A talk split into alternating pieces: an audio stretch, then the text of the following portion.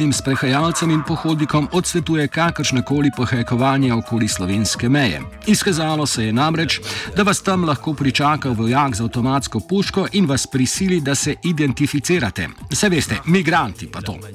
Prav tak dogodek se je pripetil italijanskemu državljanu, ki ima urejeno začasno prebivališče v Sloveniji. 8. oziroma 7. maja se je sprehajal po slovenski občini Hrpelje Kozina in naletel na oborožene tipe, ki so ga premerili s puško in se, uh, in se morali prepričati, da ni nezakonito prestopil meje.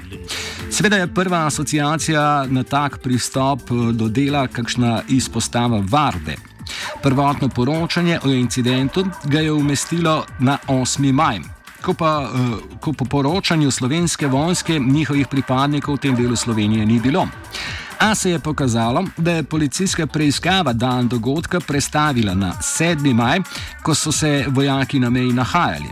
Prav tako krivca, ki jo je žrtev prepoznala s fotografij, nista niti del posebne enote, ki bi imela pooblastila za takšno delo.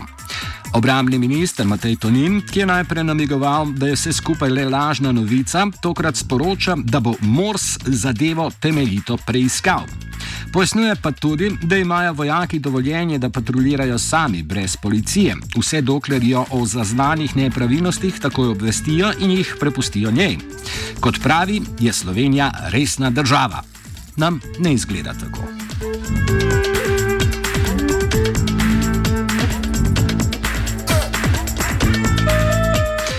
Kot kaže, da naši vojaki niso edini, ki imajo težave z razumevanjem meja lastnih nalog. V javnost je z nekoliko zamude prišla tudi novica, da so polski vojaki konec maja prestopili mejo s Češko in tam v kapelici postavili nadzorno točko, civilistom pa naj bi prepovedali vstop.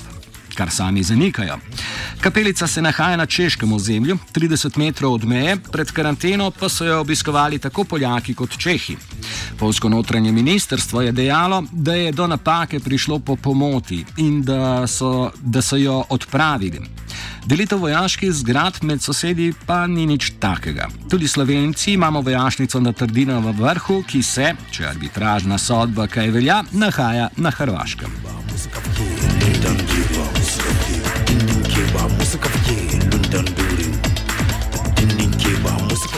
Turški parlament je potrdil zakon, ki bo samo organiziranim nočnim stražam podelil policijska pooblastila.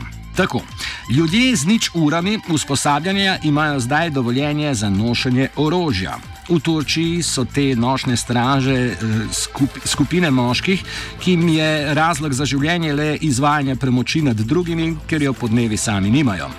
Ki patrulirajo po sosedski in prijavljajo morebitna kazniva dejanja. Zdaj bodo poleg prijav lahko pokazali orožje, osumljence pa ustavili in jih preiskali. Služba, sicer podrejena notranjemu ministrstvu, ima že skoraj 30 tisoč pripadnikov. Sam obstoj nočnih straž je sicer že turška tradicija, a je bila v preteklosti bolj znana kot strički, ki so zvečer posedali na kavicah ter s piščalkami opozarjali na manjše prestopke. Sistem je bil leta 2008 odpravljen, a ga je predsednik Recep Tayyip Erdogan po državnem udaru leta 2016 spet uvedel.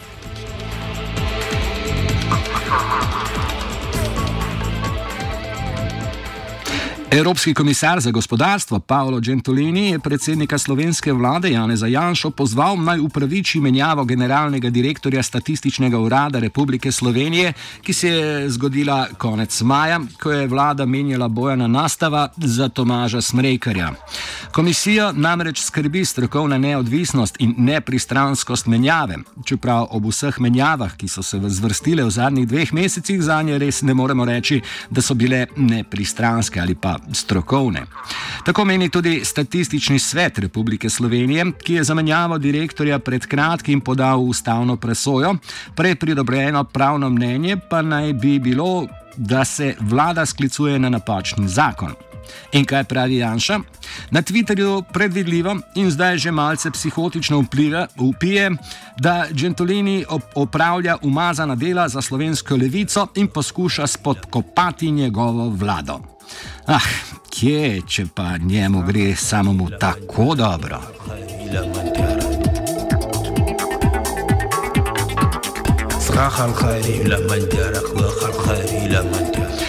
Ustavna komisija državnega zbora je lani junija prvič obravnavala predlog o uporabi znakovnega jezika kot uradnega, ki ga je za Zvezo društv gluhih in naglušnih Slovenije vložila takratna vlada. Oblikovala se je strokovna skupina, a je prišlo do manjšega zapleta. Skupina je namreč predlagala, naj se v delih Slovenije z italijanskimi in mađarskimi manjšinami spodbuja razvoj tako slovenskega kot tudi italijanskega in mađarskega znakovnega jezika. To pa se poslancem vseh struj zdi neverjetno in nepotrebno. Saj menijo, da ni naloga Slovenije, da bi razvijala tuje jezike in tudi, da tak zakon sploh ne spada v ustavo, saj pravice manjšin že zagotavljamo. Ker do dogovorov in sprave ni prišlo, je predsednik odbora Dejan Židan sejo prekinil.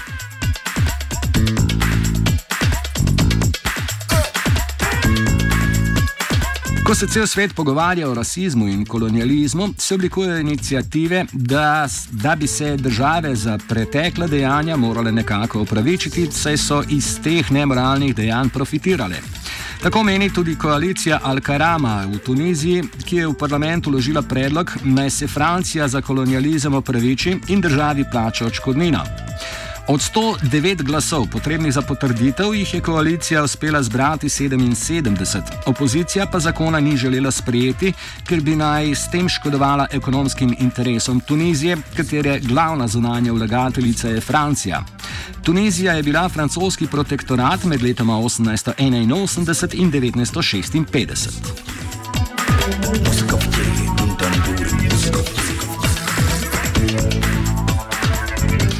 Ameriško podjetje Amazon je do nedavnega s policijo delilo programsko opremo za prepoznavanje ljudi po njihovih obrazih. In čeprav je ta programska oprema pogosto napačno identificirala temnopolte ljudi, do sedaj ni bilo zadržkov v njeni uporabi.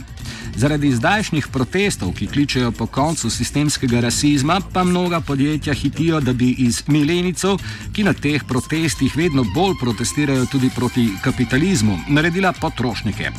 Tako se je Amazon, čigar predsednik je najbogatejši človek na svetu, Jeff Bezos, odločil, da bo za eno leto suspendiral uporabo Amer za ameriško policijo, s tem pa bo lahko kongres oblikoval zakone, ki bodo zagotavljali etnično uporabo oziroma etično uporabo tehnologije.